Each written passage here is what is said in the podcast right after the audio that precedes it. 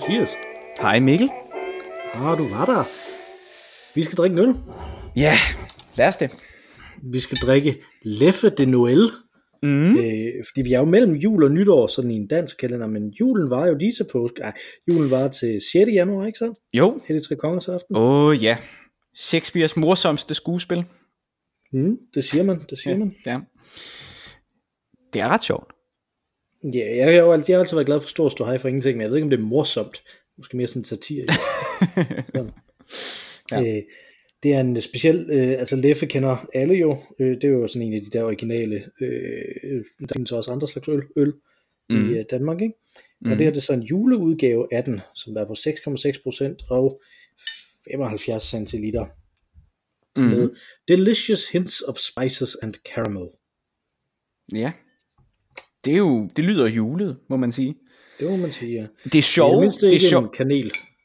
Nej, men jeg skulle lige til at sige, det sjove ved Leffeøllen, altså den, den en af de virkelig gængse læffer, ikke? den der Leffebryn, som man jo kan få i, i alle steder i Danmark, er jo, at det er jo en belgisk øl, lavet på belgisk metode, men den er jo næsten så mild og sød i sig selv, at det kunne være en juleøl. Så jeg er meget mm. spændt på, øh, på denne her, om den er sådan helt øh, nærmest ulækker sød.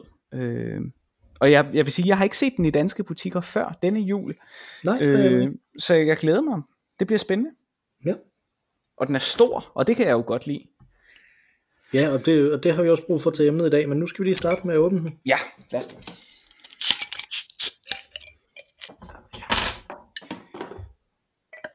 Mm-hmm.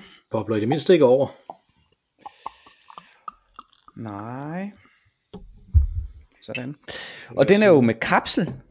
Ja. Modsat alle andre store belgiske øl. Som jo ja, det er sådan en snydekapsel, hvor der er kommet, hvor der er kommet sådan noget metal øh, indpakning rundt om, så man tænker, ja. det må være en fornem øl. Men øh, ja. det var bare en med kapsel. det var bare en med kapsel, ja. Den ligner en øl. Altså, øh, den ser ikke speciel ud, synes jeg. Nej, det sjove er igen, at den faktisk ser ud til at være lysere og mere rødlig end en Leffe Bryn. Det er sådan en underlig blanding mellem øh, en, øh, hvis man tager en Leffe Bryn op og hælder op med en øh, Leffe, øh, hvad hedder den, den hvide Leffe, øh, så, så ser den sikkert sådan der ud. Mm. Det var noget i. Skal vi smage på den? Mm. Skål. Skål.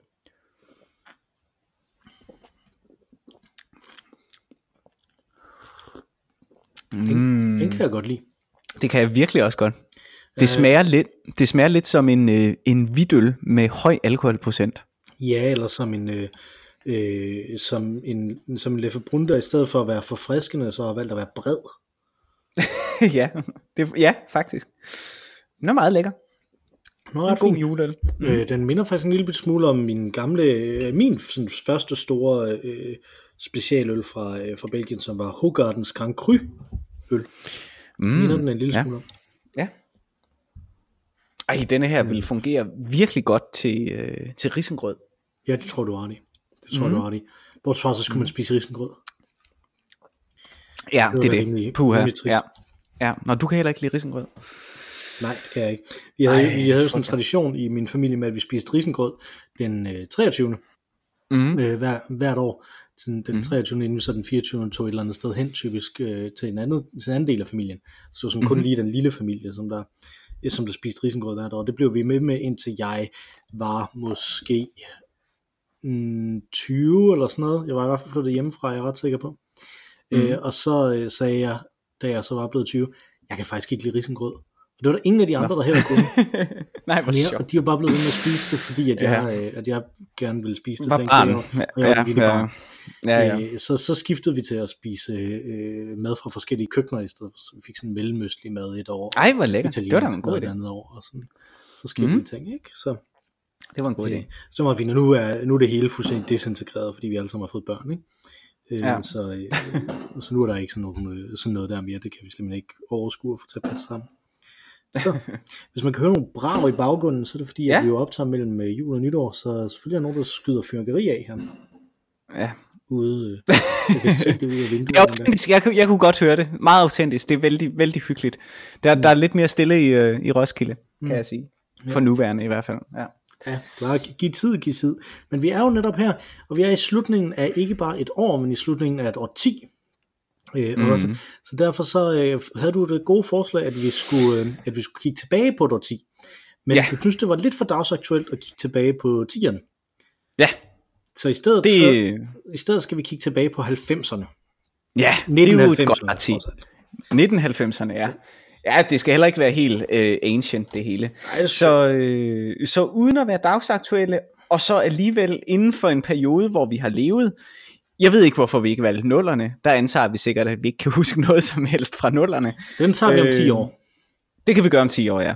Denne gang bliver det altså 90'erne. Og, og, og den virkelig øh, øh, trolige og øh, opmærksomme lytter vil jo nok sige, har I ikke snakket om det før? Øh, og det har vi jo. Vi har jo snakket om 90'erne øh, tidligere.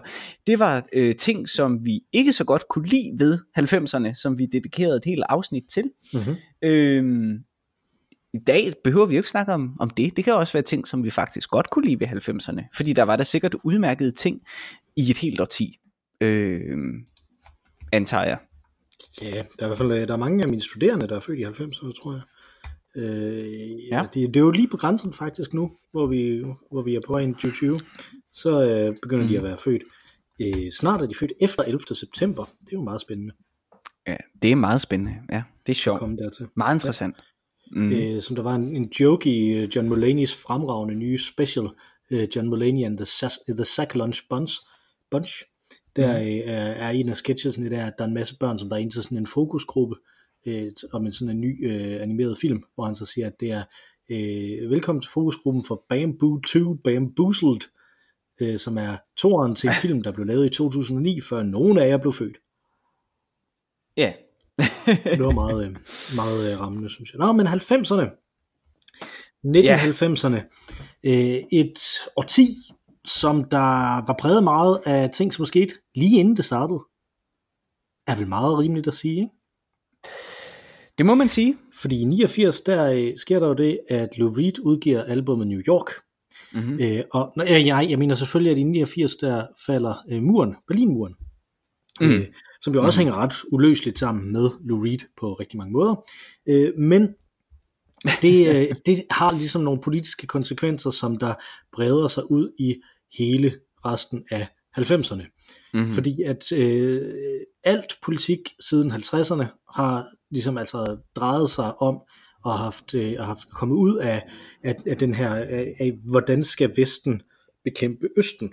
Mm-hmm. Øh, og hvilken del af, altså hvor, hvor, når man er jo i verden, hvilken, hvilken af de her vest mod øst, er det USA eller er det Sovjets sfære, vi er inden for deres, øh, øh, deres sådan indflydelsesfære, og hvad for en vil vi gerne være indenfor. Ikke? Altså, mm. stort set alt øh, politik har ligesom handlet om det, øh, og det har også været noget, som der i den grad har, øh, har er gået ind i indrigspolitikken også, ikke? Altså at der har været en, øh, en meget, meget, meget endnu stærkere nærmest end, øh, end før 2. verdenskrig, så en tendens til, at man har ville øh, udmarginalisere kommunisterne til venstre, ikke? Altså, mm mm. øh, fuldstændig for dem øh, spillet af banen så meget som man overhovedet kunne i de forskellige vestlige lande, øh, og det mm. lykkedes jo rigtig fremragende for Socialdemokraterne herhjemme i Danmark øh, at mm. gøre lige præcis det, øh, blandt andet jo også fordi at kommunisterne på mange måder imploderede selv, øh, og selv skabte nogle andre grupperinger. Men det er jo lang tid før 90'erne.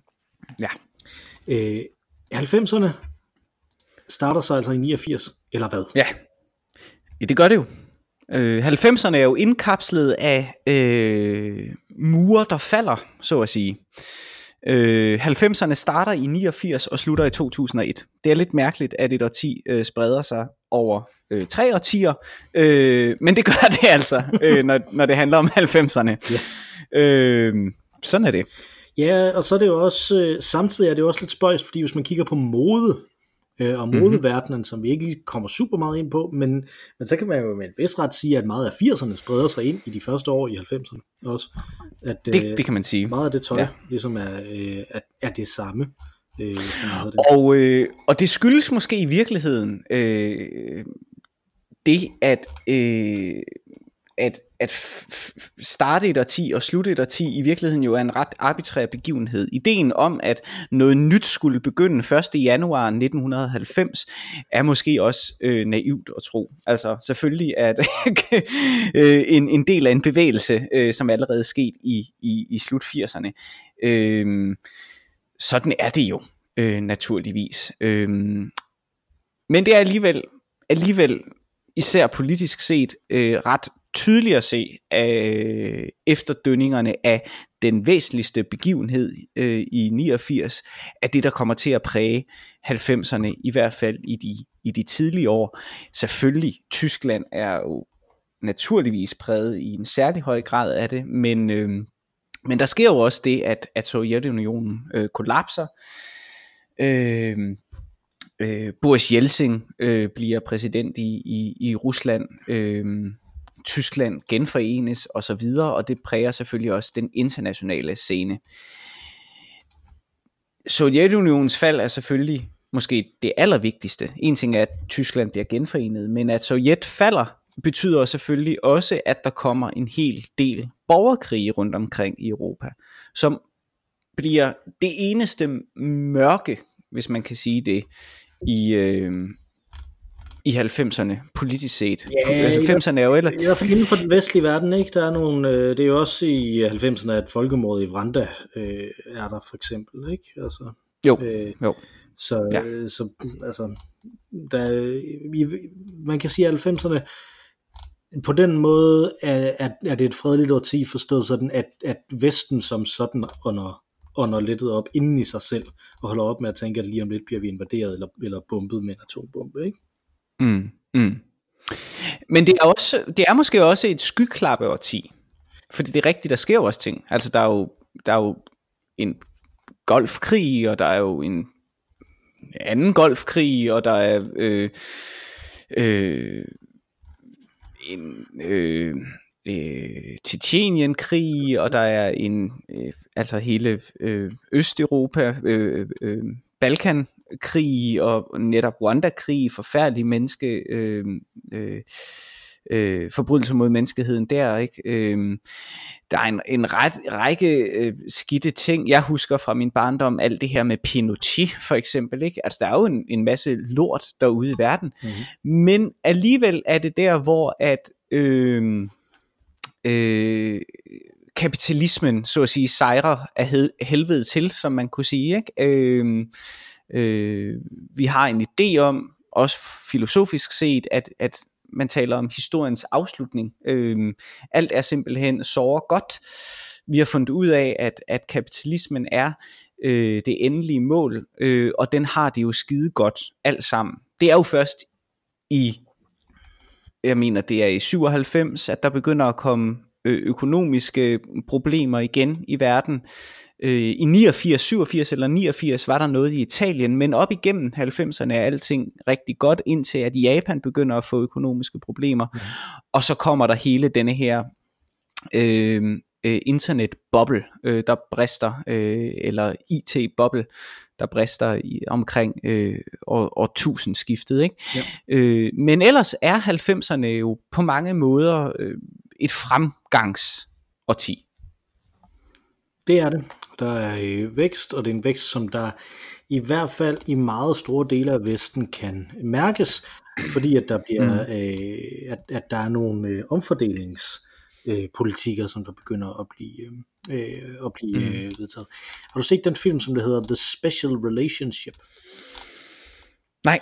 Det er, øh, du, du har garanteret set den film, der hedder The Queen, ikke? Øh, jo, jo, jo, øh, jo. I den, øh, altså den samme instruktør, øh, mm-hmm. Frias, ikke? Tror jeg det er. Øh, mm. Han har jo lavet en trilogi omkring, øh, omkring Blair, simpelthen. Mm-hmm. Øh, hvor der, den første, jeg kan ikke huske den første hedder, men den handler om, øh, øh, om Blair og, øh, øh, og Gordon Brown og magtkampen i Labour mm-hmm. øh, omkring det, og det, okay. og det er Michael Sheen, der spiller, øh, der spiller Blair i alle tre film. Og så den her, okay. den handler så om forholdet mellem Blair og, øh, og Clinton. Mm-hmm. The Special Relationship, hvor ja. er det, der spiller Clinton, det bliver jeg nødt til lige at slå op. Øh, øh, og øh, det er Dennis Quaid, Okay. Øh, mm-hmm. øh, og det tænker man, ja, når jeg tænker, man, okay, men han er faktisk rigtig god. Øh, så spille, Nej, ja, det kunne jeg godt forestille mig. Øh, Clinton. Clinton, ja. Øh, og mm. i den, der snakker de nemlig om en ting, som, øh, som det er meget svært for mig at huske derfra rent politisk, men der var den her optimisme om, at nu skal vi godt nok vise dem, hvordan man laver noget centristisk, liberal, liberal øh, progressiv politik. Ikke? Øh, mm. og, og den her mm. fornemmelse af, at det var det, der ville være fremtiden. At, øh, nu, mm. nu skulle det bare være der. Og den er der virkelig der, hvor det så bliver totalt handicappet. Øh, I den film øh, bliver totalt handicappet af øh, Monica Lewinsky-skandalen, som, øh, som Clinton mm. råder sig ud i. Øh, ja. og, og man kan jo sige, det blev så øh, fuldstændig handicappet, det er ikke med i filmen, men det blev så fuldstændig handicappet bagefter af, af Blairs støtte til Irak-krig.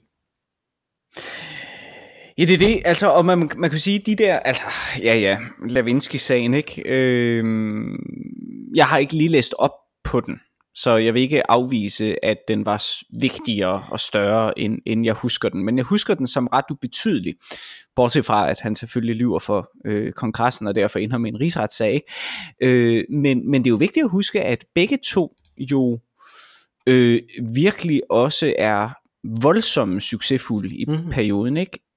Øh, Bill Clinton faciliterer øh, fredsforhandlinger i Mellemøsten, som ender med, at øh, Arafat får øh, sammen med Benjamin Netanyahu, måske, tror jeg.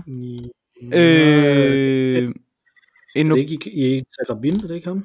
Nå, det kan godt være. Nå, i hvert fald fred i Mellemøsten, Nobelpris og så videre, hele målvitten. Tony Blair gør nærmest det samme i sit eget lille Mellemøsten øh, i, i Nordirland med øh, øh Good Friday Agreement øh, yes. i 98.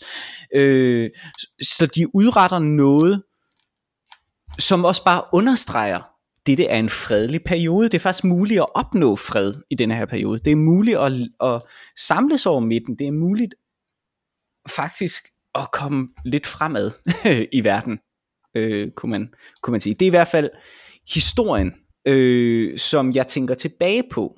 Og det er også muligt, at det er historieskrivningens historie, fordi at der så sker noget så voldsomt bagefter, altså i 2001. Øh, var det ikke sket, kan det godt være, at vi havde set mere kritisk på 90'erne. Igen lidt ligesom vi var inde på sidst. Øh, var det også et skygklappernes årti. Mm. Øh, men igen, jeg vil ikke sige, at det er Lewinsky-sagen, der er et mørkt kapitel. Øh, Nej, ikke for, et mørkt for mig kapitel, i hvert fald. Ikke i sig selv er det ikke, det var heller ikke det, var min pointe. Min pointe var, at det, at det var filmens pointe, øh, at, det, at det gør, at han bliver politisk handlet, handlingslammet, så han ikke kan levere på de her. Øh, fordi at så meget tid går med det, og så meget, øh, han mister så meget øh, autoritas øh, mm. ved det, ikke? Altså, øh, mm. at, at det simpelthen ikke kan lade sig gøre at, øh, at lave den her øh, at lave det her øh, progressive projekt, som han, som han som de riser op i starten af den der film, ikke? Mm. Så, mm. Mm.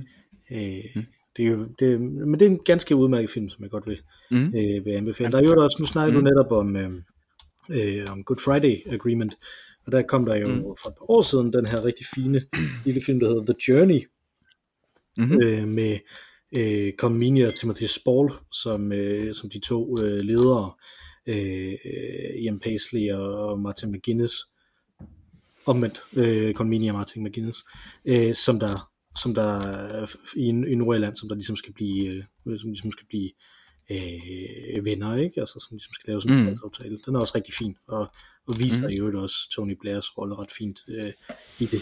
Den er måske lidt kedelig, men det gør ikke så meget, fordi den er god. Okay. Ja. ja.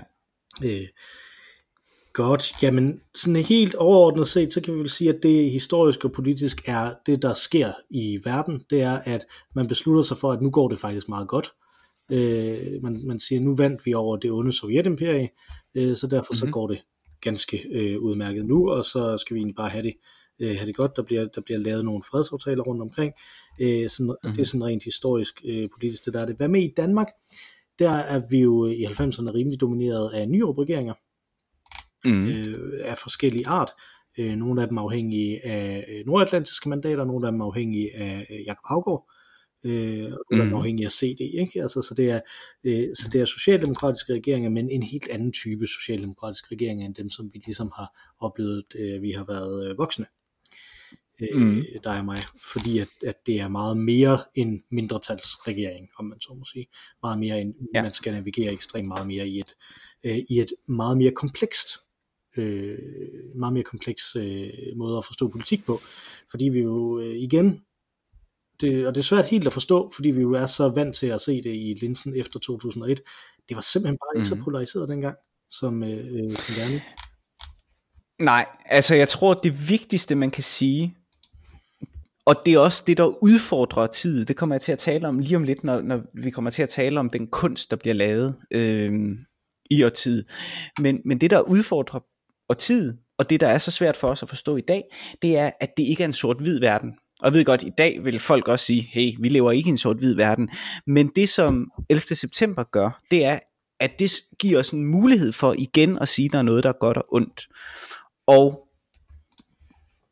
selvom vi lever i en hyperkompleks virkelighed, så er det stadig en yderst polariseret virkelighed. Mm. Og det samme var det før Berlinmurens fald, i hvert fald før Sovjetunionens opløsning. Der var nogle gode og nogle onde, der var mm. nogle værdier, der var nogle øh, antiværdier. Øh, det var ret polariseret. Øh, det er det virkelig ikke i 90'erne. Og Nyrup øh, og Marianne Hjelved ikke mindst forstår mesterligt at svømme rundt i, øh, i det der øh, diplomatiske øh, mm. farvand. Mm. Øh, så og man kan jo sige, ja. der er nogle tendenser i dansk politik, som der også bliver grundlagt her. Ikke? Altså, det, er jo ikke, det er jo ikke bare fordi, at alting, som der, som der er nu, kun kommer fra, fra 2001 øh, og, øh, og få overtaget. En ting, som der er ret vigtigt at få med, det er, at privatiseringsbølgen starter her jo. Øh, og ja. reformationerne af, af arbejdsmarkedet. Det er sådan nogle af de store kampe, der mm. er i nullerne øh, og, som, mm. og som vi jo stadig lider øh, under i dag, om man så må sige, som, som land, ikke? altså nogle af de infrastrukturelle ting, der blev ændret, de startede jo der, øh, og, mm. men jeg tror også igen, at der var der nogle af de socialdemokrater, som der var der dengang, de var meget forblændet af den her øh, nuance, nuance, som de nu kunne have, som du snakker om øh, også, ikke? Altså, Mm. Mm. For mit indtryk er, at sådan en som Måns Lykketoft, der jo stod for rigtig meget af det, ikke? Altså, at, at han, mm. øh, når han kigger tilbage på det, siger, jamen det var fornuftigt at gøre det, jeg gjorde der, men det var så også meningen, det skulle være stoppet der, ikke? Altså, øh, hvor, ja. hvor der efterfølgende mm. er blevet løbet rigtig langt i den samme retning, som der ligesom blev udstukket der dengang, ikke? Og blevet solgt mm. rigtig meget infrastruktur, øh, øh, som der var på offentlige hænder før, privatiseret meget mere, mm. og også øh, mm. lavet nogle meget kraftige og voldsomme øh, arbejdsmarkedsreformer, faktisk, øh, mm. som, øh, mm. som har ændret rigtig meget af, øh, hvordan, øh, hvordan hele det system det fungerer. Så, øh, mm. så, det, så mange af de ting begyndte også øh, i 90'erne, som jo også på mange måder er, øh, er sådan et, et, et årti, hvor man tænker, der skete ikke så meget politisk, fordi at det netop var, der ikke var den her store øh, en, energifyldte polarisering som vi er vant til nu, og som der var i, mm. i årtierne inden. Det kan selvfølgelig også skyldes, at, og det er jo en hypotese det her, men at det var et årti, som faktisk havde nogle ret dygtige politikere. Mm.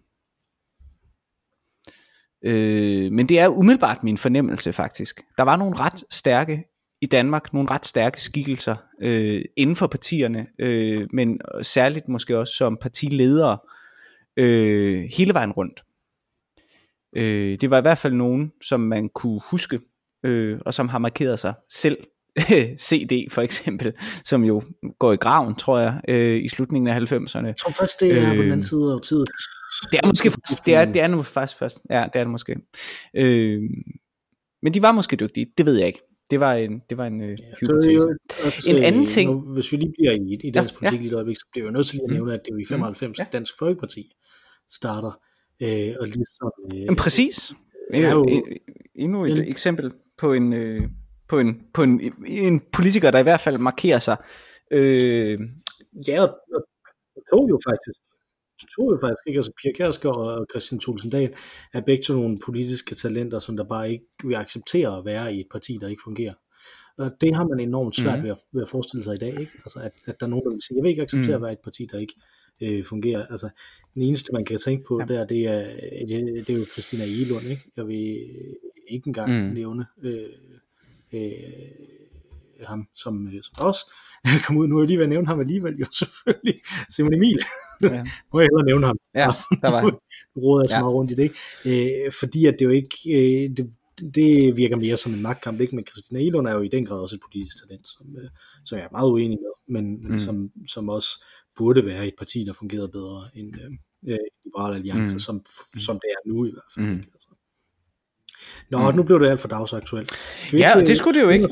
Jo, og, og jeg vil jo lige starte med at sige, og det kan jo lede passende øh, lede hen til dig, en ting, der virkelig sker, en revolution, der kommer, det er jo IT-revolution. Ja. Hjemmecomputere. Ja, er sådan, at jeg vil gemme det til computerspil. Men vi ja, men lad os komme ind på det nu så, fordi det er jo simpelthen så interessant.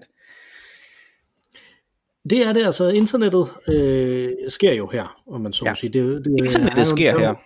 Der er nogle tiltag tilbage i, uh, i slut 70'erne og 80'erne, som, uh, som er sådan forløberne for det, som primært er nogle netværk, som der eksisterer imellem forskellige universiteter.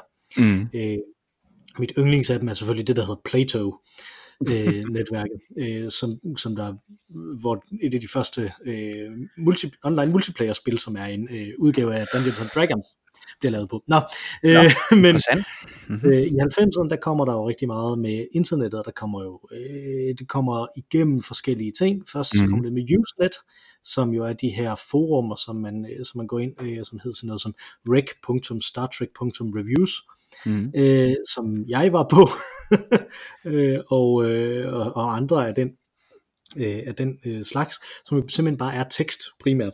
Ja. Hvor man kan skrive sig hinanden med, øh, med tekst over hele verden.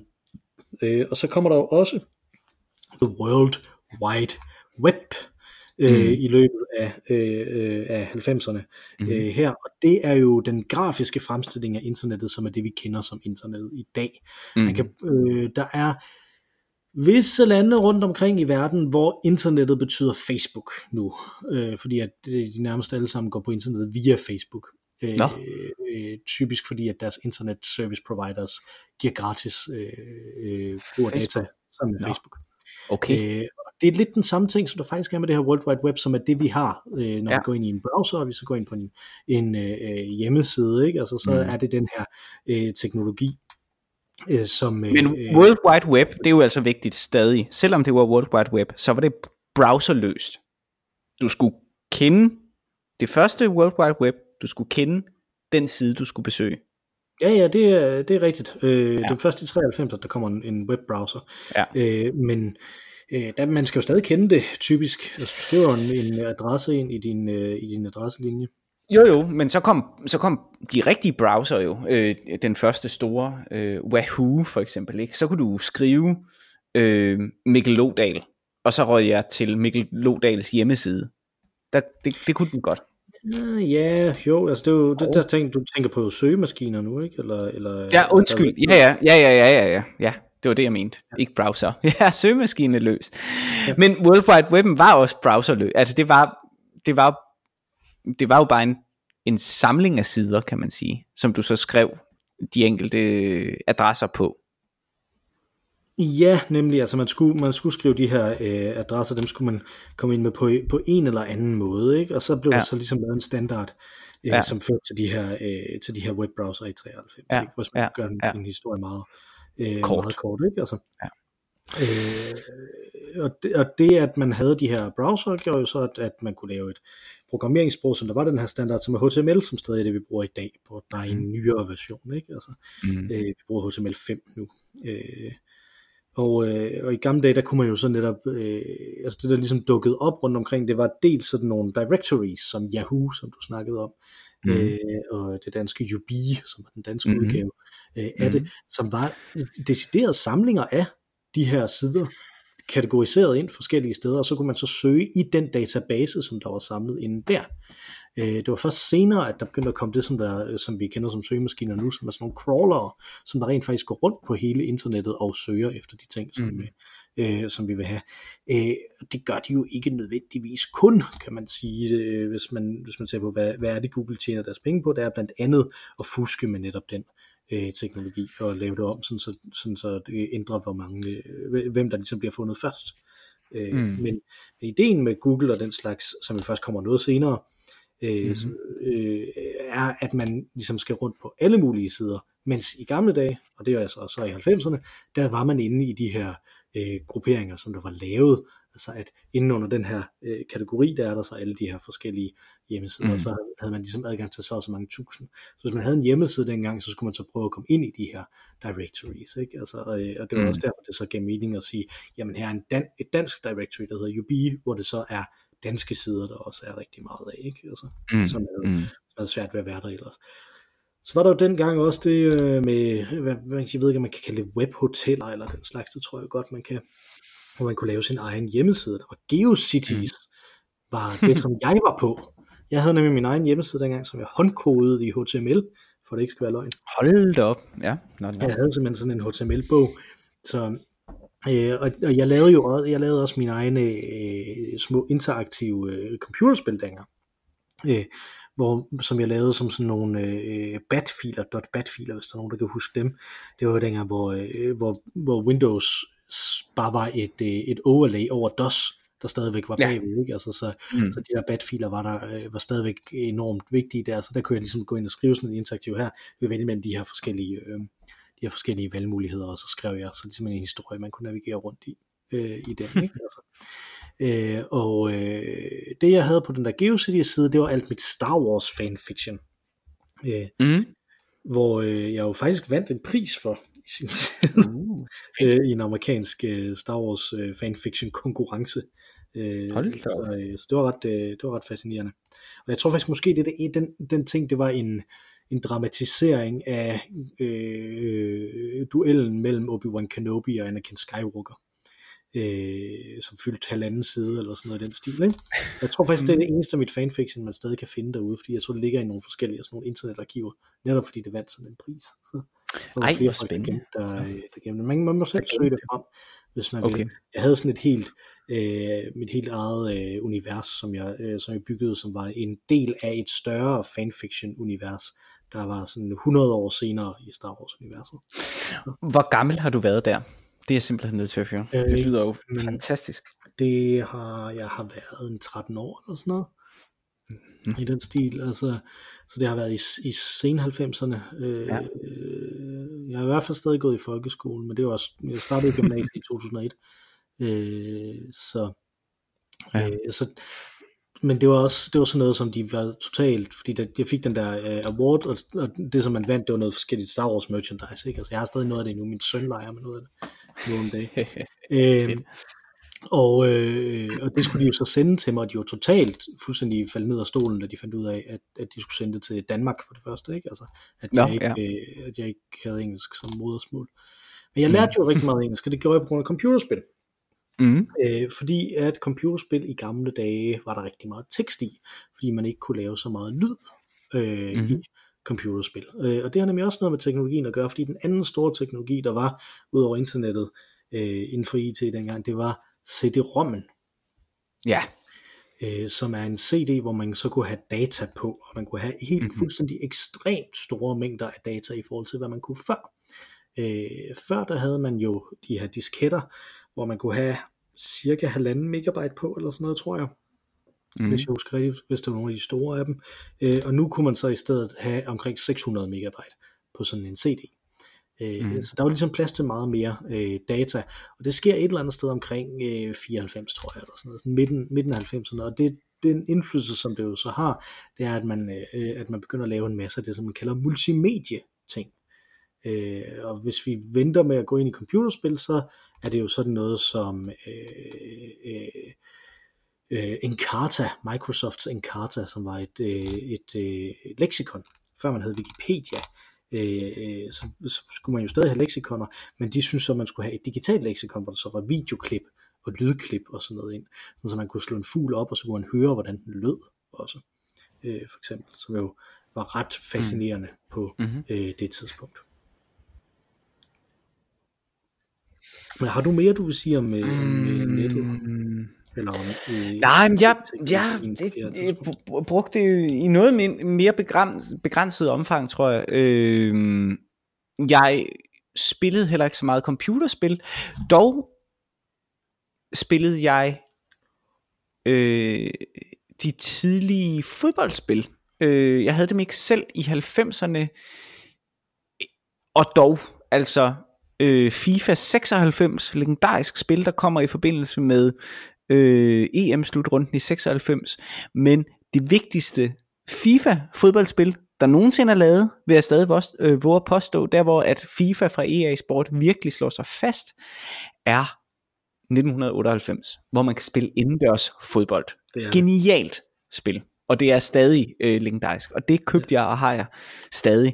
Af en eller anden grund, jeg kan ikke spille det på nogen platform, det var købt til PC, øh, men øh, jeg har det stadig. Øh. Ja, og før det, så var FIFA jo faktisk lidt en joke. Det var ikke den gode, øh, det var ikke det gode Nej. Øh, fodboldspil Nej. Øh, dengang. Så øh, jeg kan simpelthen ikke huske, om det allerede dengang var Pro Evolution Det kan jeg faktisk heller ikke huske. Det, det kan jeg ikke huske. Øh, jeg kan huske, at jeg spillede Sensible Soccer på Amiga. øh, fordi min bror spillede øh, meget fodbold i virkeligheden, øh, så han havde jo selvfølgelig også Sensible Soccer. Men var, var, der i, var der i virkeligheden øh, også større øh, diversitet der? Fordi jeg synes, jeg husker ikke, at der var de der sådan, altså ligesom EA er nu, ikke? Altså sådan nogle kæmpe store, øh, sådan, vi sidder bare på halv, minimum halvdelen af markedet. Altså, Jamen det gør EA jo ikke nu, kan man sige. Det er der ikke rigtig nogen, der på den Nå, måde gør og nu. det vil være min opfattelse, med, når det kommer øh, til FIFA, at der er så enten EA, eller også er der, øh, øh, hvad hedder det andet fodboldspil? At der ligesom er to fodboldspil, for eksempel.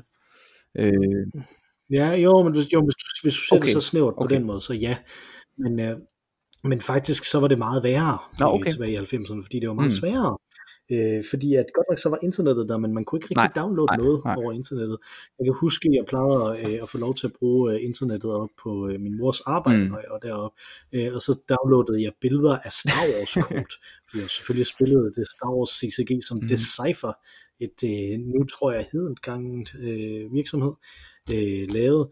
Så, og den måde, jeg ligesom kunne se nye af sådan nogle kort, det var ved at gå ind på internet og se dem, og de øh, kom så ned en linje af gangen, ikke? Altså sådan virkelig hak, hak, hak. Så jeg åbnede en masse øh, ting der, og så øh, spillede jeg øh, et eller andet andet derpå, på, øh, mens jeg så ventede på, at de der de åbnede, så spillede jeg Osvald for eksempel, som der var, øh, og der var også en digital udgave af Lykkehjulet, mm. hvor de simpelthen havde digitaliseret en eller to kommentarer fra en Ben Burg også. Nej, hvor godt. Øh, som, øh, som så ligesom var, øh, blev sagt der. Så det, så det var en af de computerspil, som jeg, som jeg spillede, fordi at det var deroppe. På jeg kan huske, at jeg spillede Hugo. Kan du huske Hugo fra Elevatoren? Ja, det spillede jeg meget på, øh, ja. på øh, min Amiga, da jeg først det var, havde fået det var ret sjovt. Så jeg ja. havde en hel megabyte RAM. Og Osvald var jo det samme. Osvald var jo det samme spil som Hugo, ja. bare med et andet dyr, kan man sige. Ja, men andet dyr lidt mindre, øh, altså der, der var mere variation i Hugo også, der kom nogle forskellige ja. typer af baner også, og sådan mm. og den der, den der labyrint var mere, øh, var mere kompleks end noget ja. Osvald øh, ja. lavede, ikke? Ja. Osvald var også sjov, det kan jeg godt huske. Mm. Mm. Det var meget, øh, det var meget morsomt, ja. Godt. Det var teknologien, IT-teknologien mm. i hvert fald. Øh, jeg tror ikke nødvendigvis behøver at komme ind på anden teknologi. øh, der. Øh, der var, altså, jeg vil, altså, Ghetto Blasteren, men så behøver vi heller ikke sige mere. Altså, CD'en kommer jo for alvor frem, bliver husmandseje.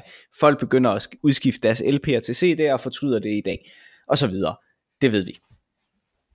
Ja, det er rigtigt, men altså, CD'en havde jo været der i, i, i en... CD'en havde været jo jo, men øh, det, er i, det er i 90'erne, at for some reason, at de så skifter alt. Men det gør man jo. Det gjorde vi også i nullerne, da øh, minidisken, nej det hed den ikke, hvad fanden hed det? Øh, der var sådan en und... Nå, anyways, vi taler ikke Der var en minidisk også jo, men, øh, øh, ja. men det tror jeg er noget andet. Ja, det er noget andet. Det er jo sådan en diskmand ting, ikke?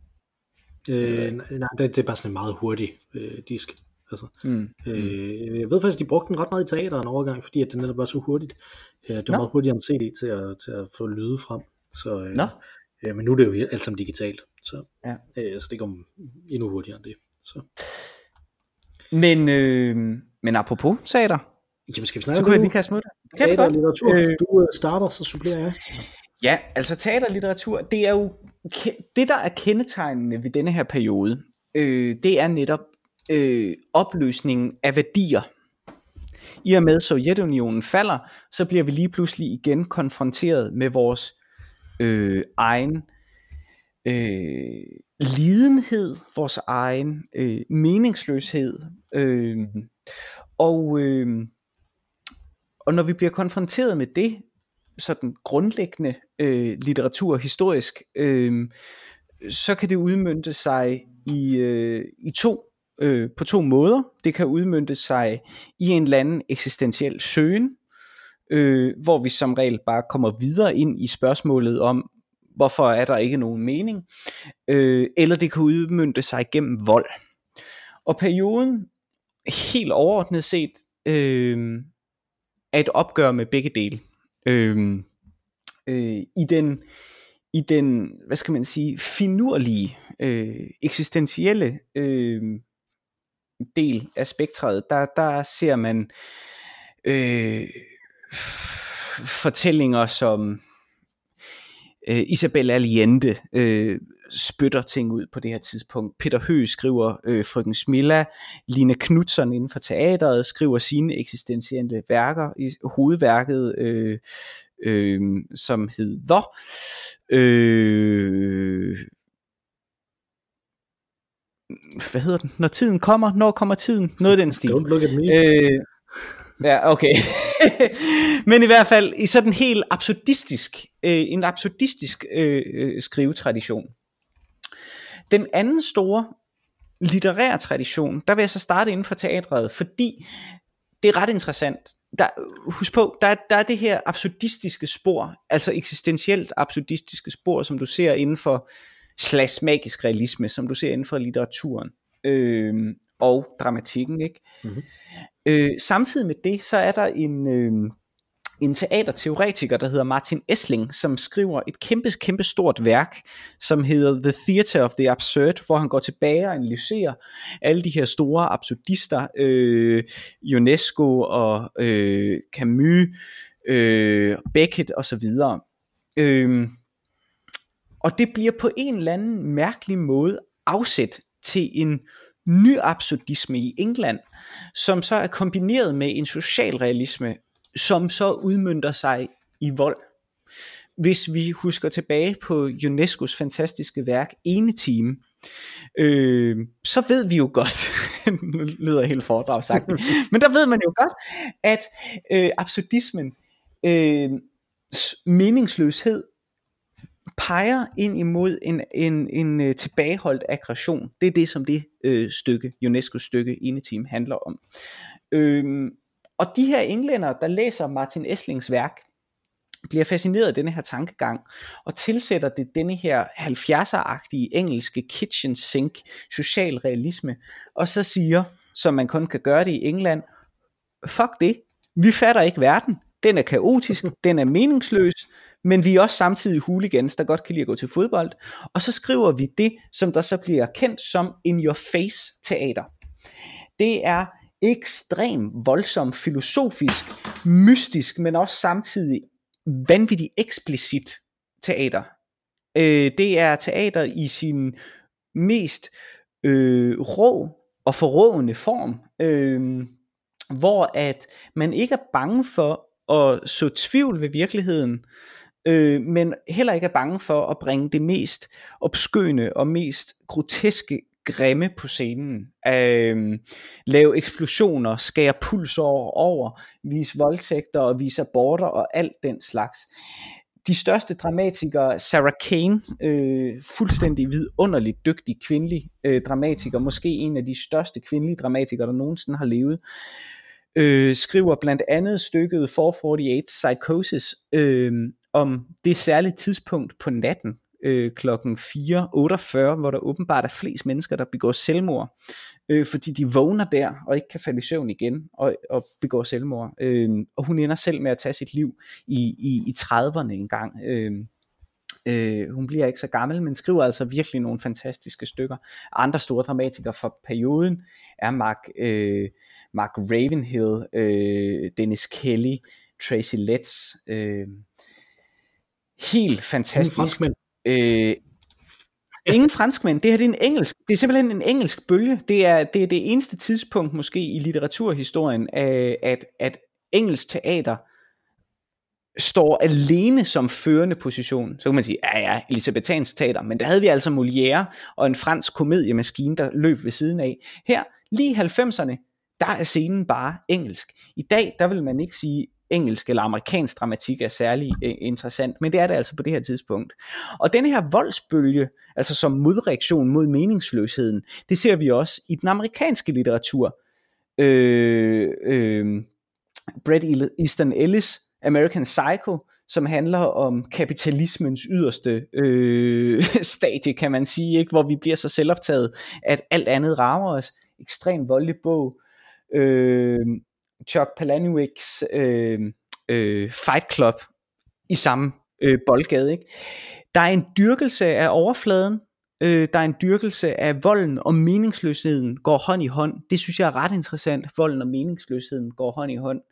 Øh, vi sagde til at starte med, at 90'erne starter i 80'erne.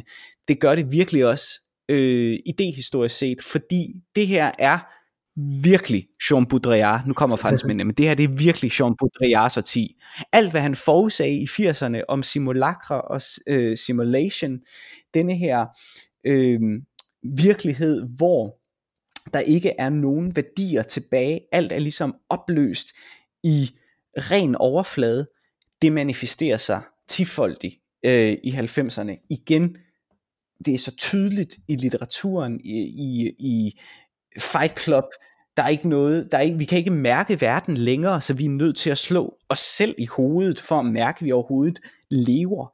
Øh, øh, det øh, bliver slået an sådan set allerede i begyndelsen øh, i 90'erne, synes jeg, med øh, Pulp Fiction og med Nirvana, øh, som der strømmer sådan en, det her det er bare meningsløst, der er ingen værdi længere, og det er præcis den verden, som Jean Baudrillard øh, har forudsagt, og som Derrida også har forudsagt i, i den yderste del af dekonstruktionen. Ikke? Vanvittigt interessant, men det manifesterer sig meget, meget kraftigt, og det spænder, hænger selvfølgelig sammen med politikken, som vi også har talt om. Det der med, at vi ikke længere har et farbillede. Øh, et farbillede, hvad hedder det? Ja, det hedder det vel, men, men sjovt nok, er vi blevet forældreløse nærmest, ikke? Altså vi skal orientere os øh, på ny i verden, hvor at vi ikke ved, hvad der er godt og ondt. Det kan være, at vi lige pludselig selv er onde. Det er mega spooky at skulle forholde os til, at verden ikke er sort-hvid længere, og det, det, det kræver meget af os, og vi befinder os i et absurd eksistentielt tomrum, som gør, at vi engang imellem tyr til vold. Øh, og det afspejler æstetikfilosofien, og i den grad også æstetikken selv. Kunsten portrætterer det store danske malere, for eksempel Kurt Trampedak eller Michael Kvium, hvor man tænker, hvad fanden er det, hvis det ikke er eksistentiel vold? Mod jer selv. ja, man kan sige, at langt hen ad vejen, så er det jo sådan set også det, man kan se i, i sådan virkelig populær kultur, ikke? altså de store Hollywood-film. Nu om dagen så snakker vi ekstremt mm-hmm. om, at alting er domineret af superheltefilmene, ikke? men i 90'erne, der var det jo katastrofefilmene, der var de store blockbusters. Ja. Enten for hele yes. verden, som yes. Independence Day eller Armageddon eller sådan noget, Deep Impact, som er den, mere eller mindre den samme film, mm. bare lidt mere poetisk mm.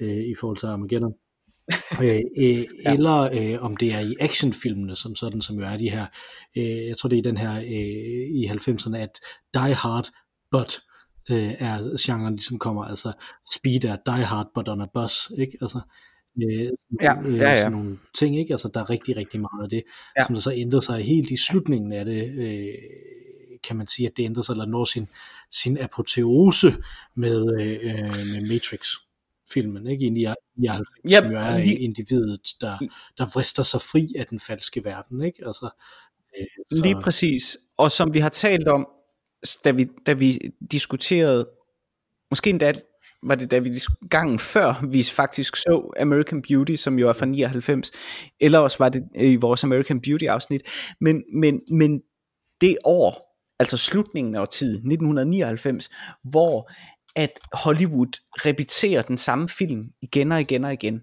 Altså der er, der er det så præsent, at zeitgeisten ikke kan øh, forstumme. Der er det her, vi er nødt til at fortælle historien om, hvordan vores virkelighed er blevet tom, hvordan vi prøver på at finde mening i meningsløsheden. Vi svømmer rundt her. Og det er det samme, The Matrix, øh, American Beauty, øh, Fight Club. Øh, du nævnte også en anden film, dengang kan jeg huske, øh, som du havde opdaget, også handlede om det samme, som også var fra samme år. Ice White Shot. Ice White Shot, ja lige præcis, Stanley Kubricks film. Det er så fascinerende, at, at der, det er sådan et råb om hjælp, og gudskelov kommer der så noget, det var et ironisk gudskelov ikke, men der kommer altså noget lige rundt om hjørnet af 99, som så gør, at åh, nu forstår vi verden igen. Nu er den gudskelov blevet polariseret igen. og vi behøver ikke forholde os så meget til os selv. Vi kan forholde os til, til nogle andre skræmmebilleder. Hvorfor det giver god mening at begynde at lave superheltefilm. Ja, hvis vi skal gå ind og se lidt på nogle computerspil også, øh, i forhold til det her, så afspejler de på mange mm. måder faktisk også det, at i 90'erne er et, øh, er et årti, som der er domineret øh, rigtig, rigtig meget af to forskellige genrer, og som er en tredje genre, som sådan en under ting, som, den, som den, sådan en, en tæt træer, ikke? Altså de to genrer, som der virkelig dominerer øh, 90'erne, vil jeg mene, er first person shooteren og platformspillet. Mm-hmm. Øh, og first person shooteren er jo sådan noget som Doom, eller, eller Wolfenstein, eller Quake, eller Duke Nukem 3D, mm. som alle sammen mm. ligesom har den samme grundlæggende idé, at, at der er en verden, som der er ond, som en, som en person kan dominere over, ikke? Altså, øh, og som en person mm. kan, kan udøve sin vilje overfor. Øh, mm. og, og på mange måder så er det jo meget det samme med, øh, med platformspillene også, hvor man også typisk styrer en enkelt karakter, som der skal bevæge sig igennem det, øh, den, her, øh, den her verden, og, og rigtig meget af det her er jo i real tid, ikke? Altså at jeg bevæger mig lidt nu, og det gør figuren så også, og der er sådan en en-til-en fornemmelse hele tiden. Øh, i, i, følingen er, øh, er at, der, at der er ikke, det er ikke skak vel, altså det er ikke turbaseret, det er, øh, det er at, man, at man bevæger sig hurtigt, og det passer godt sammen med den tredje genre, der også er stor øh, på det tidspunkt. Øh, hvis jeg skal have nogle platformspil, så er det selvfølgelig Super Mario-serien, ikke? Som, som fejrer nogle mm. for øh, her i, men det er også noget som Sonic, som også er, er, mm. øh, er virkelig, virkelig stort. Øh, men generelt så laver man så laver man rigtig mange af de her Crash Bandicoot kommer også i 90'erne og, øh, og, og mm. Metroidvanias genren bliver mere eller mindre grundlagt med Super Metroid her også. Øh, mm. altså, så hvis, hvis du har lavet hvis du laver en film øh, og du så laver et filmspil der til, så er det typisk også altid øh, øh, noget, som der involverer et platformspil. Øh, mm. Men derudover så, øh, så som sagt, altså den tredje øh, genre, jeg mener øh, virkelig dominerer, det er real-time strategy genren, som er Command and Conquer, Starcraft og Warcraft øh, spil, mm. som, mm. Øh, som jo har netop det samme, ikke? Altså i 80'erne var de store strategispil turbaserede, Øh, og, og, og det var naturligt, at de var turbaserede, fordi at computerne kunne simpelthen ikke trække og lave det øh, i realtid. Øh, men øh, i 90'erne, der bliver det, den store øh, strategigenre, det bliver simpelthen real-time strategy øh, i stedet. Mm. Der er en masse andre ting, som der også er ret store. Man kunne godt sige, beat em up spillene også var, øh, var store i 90'erne, ikke? Altså øh, Street Fighter øh, og Tekken og, øh, og de her øh, mm øh, de, her, de her spil, ikke? Altså, men de, der er mange af de samme ting der, ikke? Altså, at man styrer i realtid hele tiden, at man er mm. en, en person, som der er fanget i den her kontingens, som man, som man bevæger sig i, uden at man egentlig nødvendigvis kan, kan overveje så meget, og hvis man skal overveje noget, er det altid i den her situation, man er mm. Mm. Den ene ting, der er, øh, der er i det den anden ting, som øh, også øh, kom øh, her, det er, og det er jo selvfølgelig med computerspil, der hænger, hænger det altid sammen, de her teknologier, ikke? og vi snakker om CD-ROM som en ekstremt vigtig teknologi. Øh, her, vi kommer lige tilbage til nettet lige om lidt. Men øh, CD-ROM'en øh, som teknologi gjorde, at der kom den her øh, type af spil, som der er en full motion video spil. Øh, forstået på den måde, at det er simpelthen et spil, hvor der, som der forsøger så meget at være en film, at rigtig meget af det simpelthen er film. At man har scener mm. med filmede skuespillere inde øh, i øh, spillet, som der, som der fortæller historien, mens der så gameplayet selvfølgelig stadig ligger ude i, at, øh, i noget, som der er animeret det kan... typisk, og så vælger man, øh, hvad vil jeg gøre det her eller det her i den her scene, kan man typisk gøre også. Det kan jeg huske tydeligst fra Red Alert. Mm. Mm. Ja, fordi at, der, at de netop der har... Øh... Der havde den de her, de her sekvenser, øh, hvor at man så fik sine, sine opgaver af, af en eller anden amerikansk general, og det var filmet. Mm. Det var meget fedt. Ja, jeg, jeg spillede øh, rigtig meget øh, Wing Commander serien, som jo, øh, mm. som jo med 3'eren og 4'eren gjorde, gjorde præcis det her. Øh, også hvor Mark Hamill, som jo var Luke Skywalker i Star Wars, så spillede han hovedpersonen her i øh, Colonel Christopher Blair øh, i de her øh, ting, hvor man så kunne vælge noget ind imellem, og det betød noget for, hvad for nogle missioner man fik bagefter, men ikke vildt meget øh, for det. Øh, Wing Commander 4 kunne man sagtens bare klippe sammen til en film i virkeligheden, øh, hvis man havde lyst til det. Der er garanteret nogen, der har gjort det på YouTube. Mm. Øh, så kunne man se øh, så kunne man se den. Og alt det, det fortsætter sådan set øh, indtil, vil jeg sige, 98, hvor Half-Life kommer øh, som er sådan en underlig størrelse Half-Life, fordi at Half, Half-Life og Half-Life 2 kom relativt tæt på hinanden, og så var den sådan ligget stille den sag øh, indtil i år, hvor der så er kommet, blevet annonceret et øh, virtual reality opfølger øh, på den. Øh, og det har været sådan en joke i, i øh, uh, computerspil kredse, det her med, at Half-Life 3 aldrig kommer. Øh, og nu kommer der så sådan et Half-Life, og rigtig mange af dem, som der så øh, skal ligesom performe, at de øh, går ekstremt op i det, var ikke nødvendigvis født dengang øh, Half-Life kom.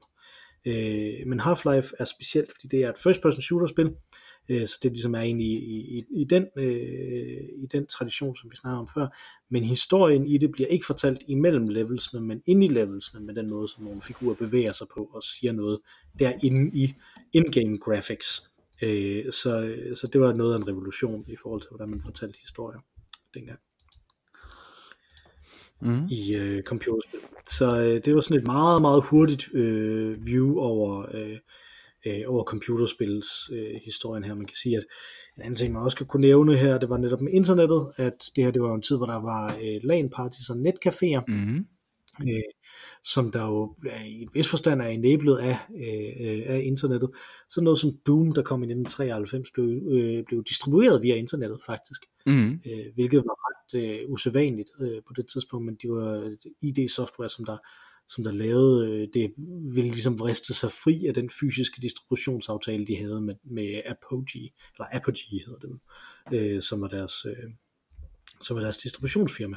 Så derfor så ville de gå over til en mere digital distribution, og sammen med det, så vil de også øh, fremme deres sådan, øh, åbenhed i det. Doom er sådan et spil, som man kan modde helt vildt meget, fordi at meget af source code blev givet fri til dem, som der købte spillet. Så. Mm. Så det var også en øh, det var også en tendens, som der ligesom var med i det øh, på det tidspunkt, at, mm. at der var mere online. Der er bare ikke lige så meget, som der kommer i årtiet efter, fordi at, at hastigheden simpelthen ikke er stor nok til, at, at, det, øh, at, at det rigtig dur endnu. Nej, og vi kender alle den famøse lyd af et net, der så at sige bliver ringet op på telefonlinjen. Det er jo for mig virkelig lyden af 90'erne. Ja. Vi har været en lille bit smule inde på noget øh, filosofi allerede. Ja. Øh, her. Øh, hvis man skal sige sådan en helt overordnet ting, så er det jo meget af det, der sker i 80'erne, som, der, som du også allerede har snakket om. Ikke? Altså, at, det, mm. at, det, at det ligesom spiller ud her, og de bliver de virkelig store her i 90'erne, øh, hvor postmodernismen træder ind. Øh, og, øh, både i, i, i, i sådan filosofien og i, mm. og i litteraturen også. Mm. Altså, jeg kan huske, at jeg trukket igennem en masse Naja Marie Eit for eksempel, ikke? Altså, ja, ja. Øh, noget Jan Sonnergaard og sådan noget i litteratur, ikke? Altså i, mm. i dansk, fordi det var så meget øh, postmodernisme, og så også den her voldelige tendens, ja. som du, øh, ja. Øh, ja. som du øh, som du snakkede om. Øh, men det er mange af de her franskmænd fra 80'erne, som der det er, de, øh, det er de store franskmænd fra 80'erne. Altså igen, Jean Baudrillard, Derrida, det, det konstruktivistiske øh, projekt. Øh, øh, men det er også, og han er vigtig at have med her, Francis Fukuyama. Mm. øh, som jo ikke er franskmand. Han er amerikaner, og han er hegelianer. Øh, I bund og grund med stort H. Altså han er, han er jo virkelig entusiastisk i sin Hegel-læsning, men modsat Marx, som har sit eget politiske øh, ærne, som handler om marxisme, så har Fukuyama en, en, en, en øh, kapitalistisk historielæsning. Og det er jo ham, der øh, siger de famøse ord, øh, at det, det er historiens afslutning. Han skriver en bog, der hedder Historiens afslutning og det sidste menneske, øh, som jo påstår, at vi nu med Berlinmurens fald, med Sovjetunionens opløsning, er nået dertil, hvor at kapitalismen, øh, det frie marked, øh, har sejret, og der er sådan set ikke noget stadie efter det her. Øh, fra nu af er det paradis. Markedet kan regulere resten, siger han. Mm. Og der slutter hans lange bog. Øhm, men det er en filosofi, som har stor, øh, som har stor betydning for, øh, op igennem 90'erne, fordi at den, den øh, maner til øh, den maner til fremdrift. Altså det, den, den, vi har det godt, og så kommer der en, et stort filosofisk værk, der så at sige inspirerer os til at føle, at vi også har det godt fremad. Vi har, der er ingen grund til ikke at tro på, at det går godt. Øh, og det er den type øh, opløftende taler, som stimulerer en økonomisk boble. Øh, og det fandt man så også ud af. Men det var, det var vigtig øh, historielæsning på det her tidspunkt. Francis Fukuyama, som nok er en filosof, som vil være totalt glemt om 30 år. Måske. Kunne man tro. Kunne man tro.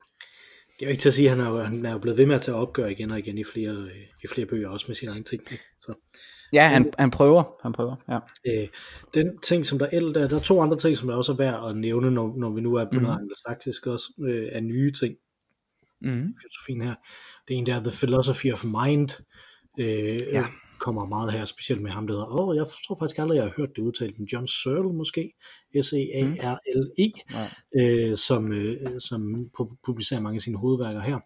Øh, og altså hele ideen passer godt sammen med alt det, vi har snakket om øh, indtil videre, ikke? At mm. når man nu er alle de store ydre ting løst, så vender vi os indad og prøver at finde ud af, hvordan fungerer hjernen, ikke? Der bliver en meget højere fokus på epistemologi, end der har været generelt i, øh, i, mm. i filosofien før, ikke? Øh, altså, Slyk ville have elsket det. Øh, mm. Og øh, det er den ene ting. Den anden ting, som vi også lige kan runde, det er feminisme. Øh, fordi ja, det, Judith Butler, Gender Trouble. Gender Trouble kommer i 90. Hovedværket. Yes, lige præcis. Og i det hele taget queer-feminismen øh, kommer yes. her i 90'erne, og lægger jo grunden til alt det øh, vanvittigt interessante kritiske potentiale, der er i den strømning øh, i dag, mm. Som, mm. Øh, som, som simpelthen vokser frem i løbet af, af 90'erne.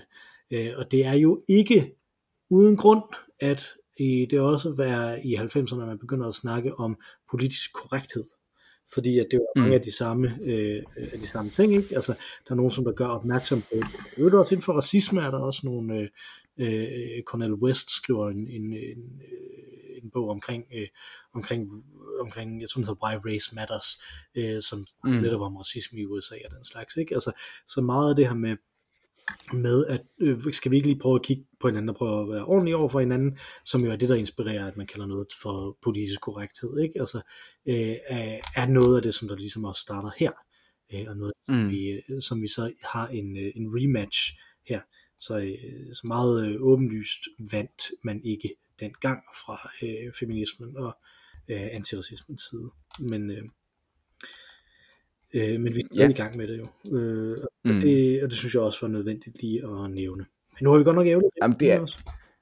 Ja, ja, men det var vigtigt at få øh, det var vigtigt at få Judith Butler og, og Gender Trouble med. Det er virkelig øh, et hovedværk inden for øh, i virkeligheden inden for øh, 90'er filosofi faktisk, mm. vil jeg sige. Det er det.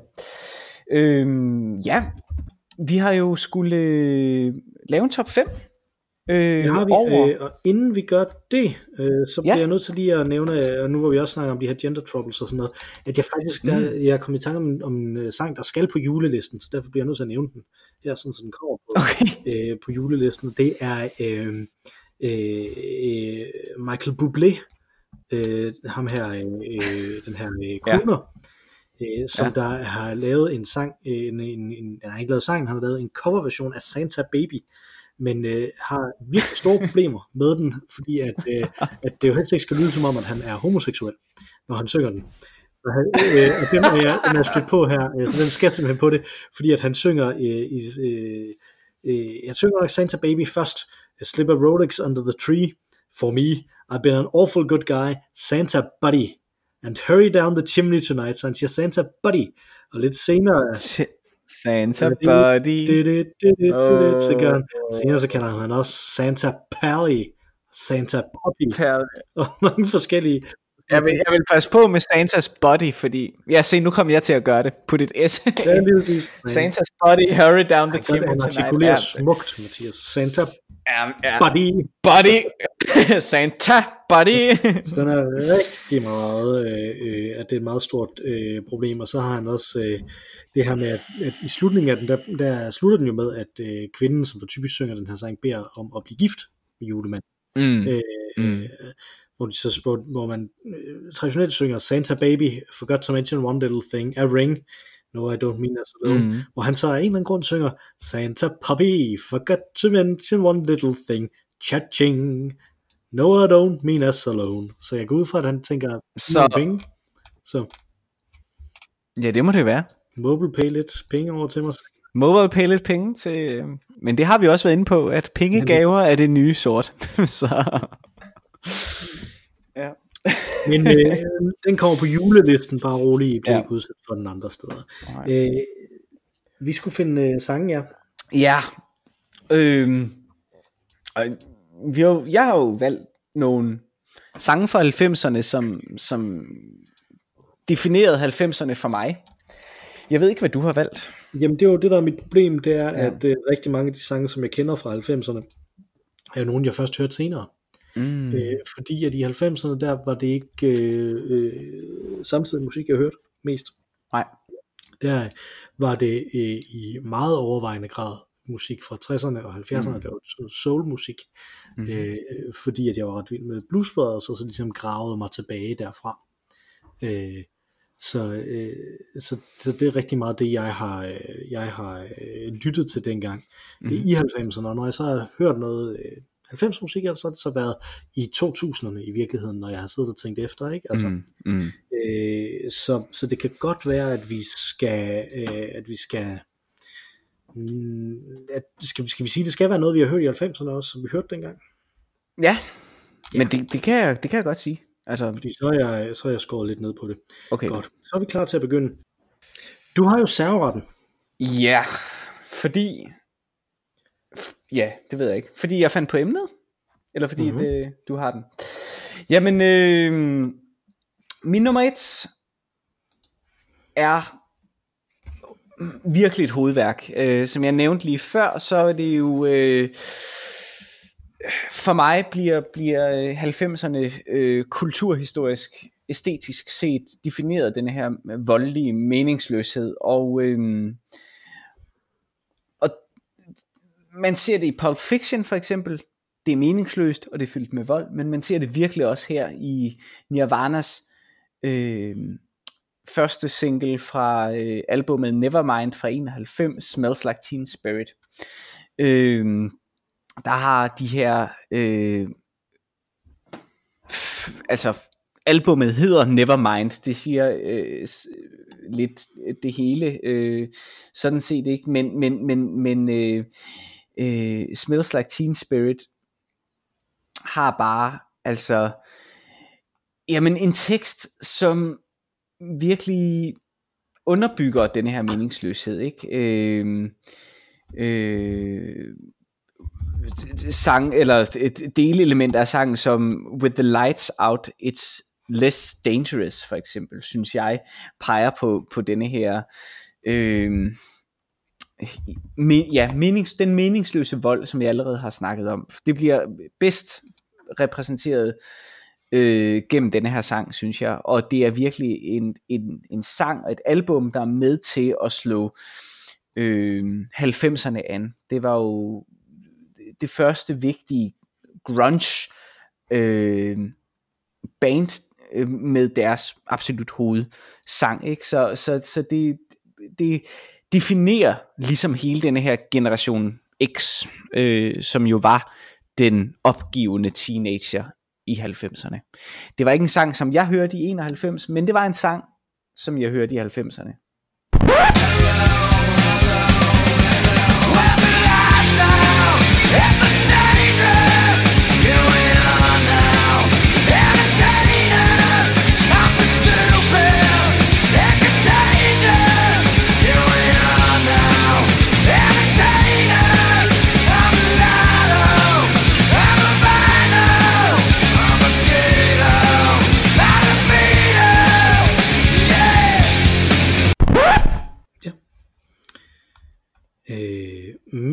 Første er en Annie DiFranco sang fra hendes øh, album Pla- Little Plastic Castles fra 98, tror jeg det er, mm-hmm. øh, som jeg simpelthen ikke kan huske, hvordan jeg faldt over, men jeg tror måske, jeg faldt over det ved simpelthen bare at se, øh, at se forsiden på det, fordi man jo var på biblioteket og så bladrede igennem forskellige CD'er, og så kunne man se øh, forsiden på det, og jeg øh, må med skam i stemmen vel, at jeg ikke er super Annie DiFranco-fan øh, i øvrigt, at jeg ikke ved super meget om det. Men der var en sang på det her øh, album, som der hedder Fuel, mm-hmm. som jeg øh, spillede igen og igen og igen og igen og igen. Øh, som er sådan en sang, som der ligesom bare har et groove og starter, og så bare øh, kører øh, øh derudaf, mens hun så fortæller en historie om øh, øh, øh, om sådan en underliggende vrede, som, øh, som hun oplever i kulturen, ikke? Altså, mm. øh, som jo netop også igen spiller ind i noget af det her i 90'erne, men det er rigtig meget netop, fordi det var en af de 90'er sange, som jeg virkelig hørte rigtig meget, også i 90'erne, og når vi så kom ind i 2000'erne, men altså, øh, den, var, den betød rigtig meget for mig, der, ja.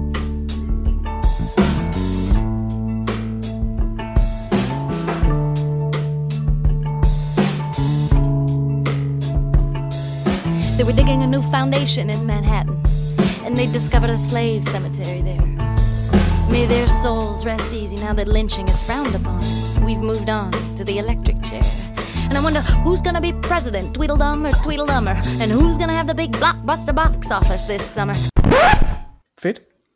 Det er sjovt, det, det du siger med at, at, at lytte til et album igen og igen og igen, fordi det er for mig virkelig en 90'er og 0'er ting. Mm. Jeg har ikke gjort det siden, men øj, hvor jeg gjorde det meget i 90'erne, og især måske i 0'erne, hvor at jeg gik på gymnasiet og, og hørte jo derfor en masse mere eksperimenterende og spændende musik, og det var fantastisk at gå på biblioteket og ligesom dykke ned i en genre, eller spørge bibliotekaren om, jeg kan godt lide det her, hvordan kan jeg udvide min horisont? Det var sådan en analog gammeldags måde at, øh, øh, at dyrke musik på. Og det, man dyrkede det virkelig. Ikke? Øh, det var ret fedt. Øh, og det band, jeg nok gjorde det mest med, det er så nummer to på min liste. Øh, det absolut vigtigste band øh, for mig øh, privat, ikke sådan personligt, øh, og ikke dannelsesrejsemæssigt, men sådan, det var, det var sådan lyden af, af min øh, gymnasietid. Øh, et band, jeg heldigvis stiftede bekendtskab med inden, øh, nemlig det danske band Kashmir, som i 99 udgiver albumet The Good Life, øh, som for mig er deres hovedalbum, øh, som jeg købte i det øjeblik, de udgav det, og som jeg har hørt uendelig gange. Altså jeg, jeg har ingen anelse om, hvor mange gange jeg har hørt det album. Jeg har hørt det så mange gange. Den sang, vi skal høre for det her album, øh, er øh, sang nummer et på albumet, øh, Mom and Love, Daddy in Space, øh, som jeg synes bare er, er mega fedt. Øh, Kashmir ligger jo et sted midt imellem den her grunge-tradition, som, som jeg slog an før med, øh, men jeg, tror, jeg var... Altså, midt, midt imellem Indien og Pakistan. det gør det også. Det gør det, Mikkel. Kashmir ligger midt imellem Indien og Pakistan. Men bandet, det danske band Kashmir med Kasper Ejstrup og så videre, ligger midt imellem grunge-traditionen og så en engelsk Britpop-tradition, som selvfølgelig også er en 90'er ting. Så jeg havde også overvejet at vælge alle mulige Britpop-numre. Øh, det har jeg så ikke valgt. Øh, der er ikke noget... Øh, øh, okay computer-reference på The Good Life. Det er egentlig et, et ret sådan øh, rent dansk grungy øh, album, øh, som bare er mega fedt. Øh, deres Radiohead-referencer kommer først i de senere øh, albums, synes jeg. Og derfor måske er The Good Life for mig Kashmirs øh, bedste album, selvom jeg elsker Radiohead. Men her er altså Mom and Love Daddy in Space.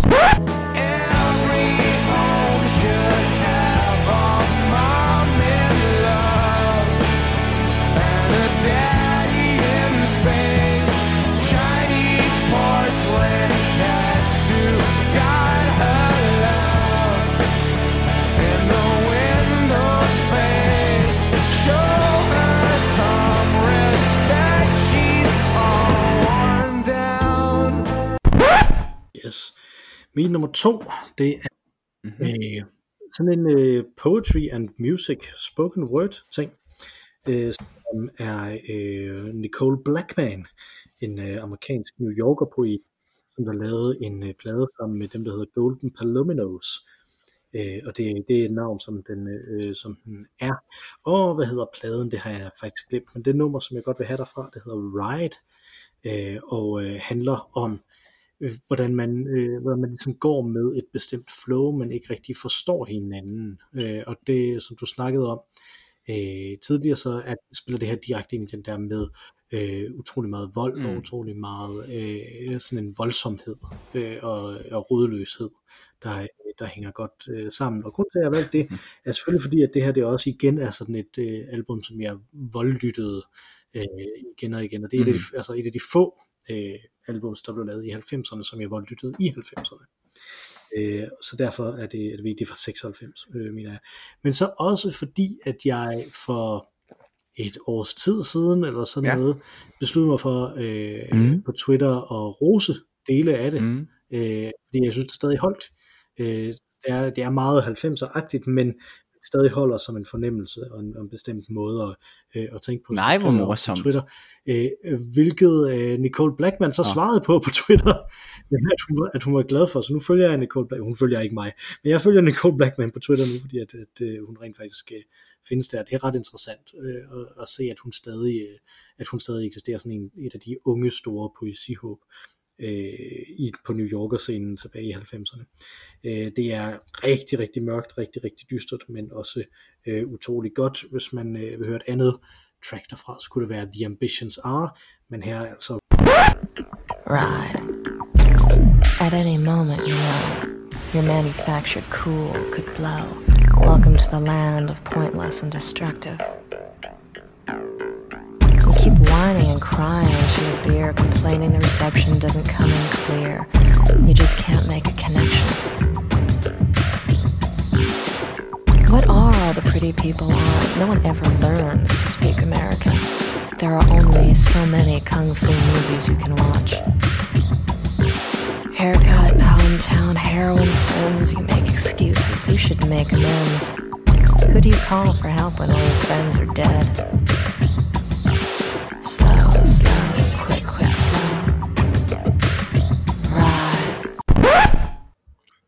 Fedt. Det synes jeg var fedt. Jeg var ikke så meget til, øh, til poesi som sådan øh, i 90'erne, men jeg stødte jo alligevel på denne her underlige, meget mainstream, men også meget boheme øh, sangerinde Dido. Kan du huske hende? Øh, kun navnet. Jeg tror, ja, jeg aldrig, jeg altså Dido, Dido øh, lavede sådan noget, hvad kan man kalde det, blød pop, men ikke på den der 90'er poppede måde. Mere som sådan en, en folk pop lyd, kan man måske kalde det, øh, og havde sit øh, gennembrudsalbum, der hed No Angels i 1999. Øh, Dido kom fra sådan, hun er øh, englænder, brite, øh, men øh, havde vist en fransk far, som var beatpoet og den slags, og var sådan lidt, der var sådan en, en aura af, øh, af lækkerhed over hende, synes jeg, som fascinerede mig dengang i 1999.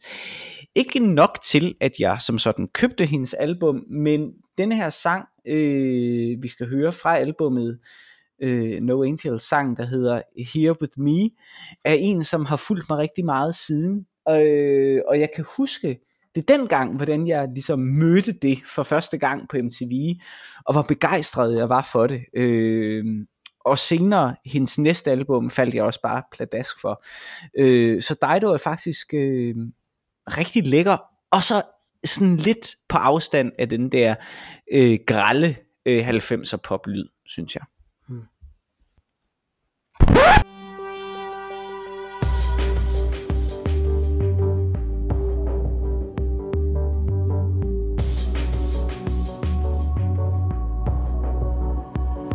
I didn't hear you leave. I wonder how am I still here? And I don't wanna move a thing.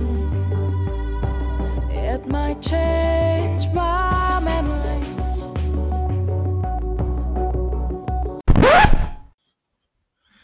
Min nummer tre, det er Leonard Cohen's The Future fra albumet The Future, øh, mm. som jeg også lyttede rigtig meget til dengang, men hvis man har set Natural Born Killers, så er den sang mm. øh, meget prominent i, øh, i den øh, film, som jo også netop handler om alt det her med vold og den slags.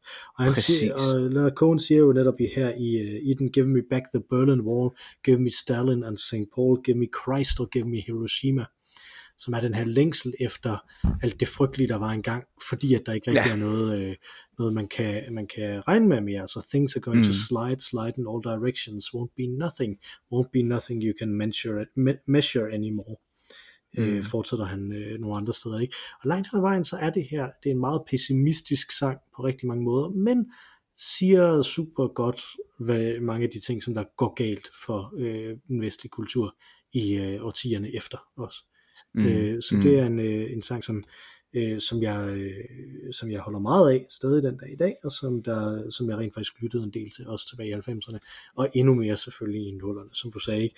der gik vi jo i gymnasiet, så der hørte vi meget mere til, mm. til musik. Det gjorde man jo dengang, når man var den øh, alder.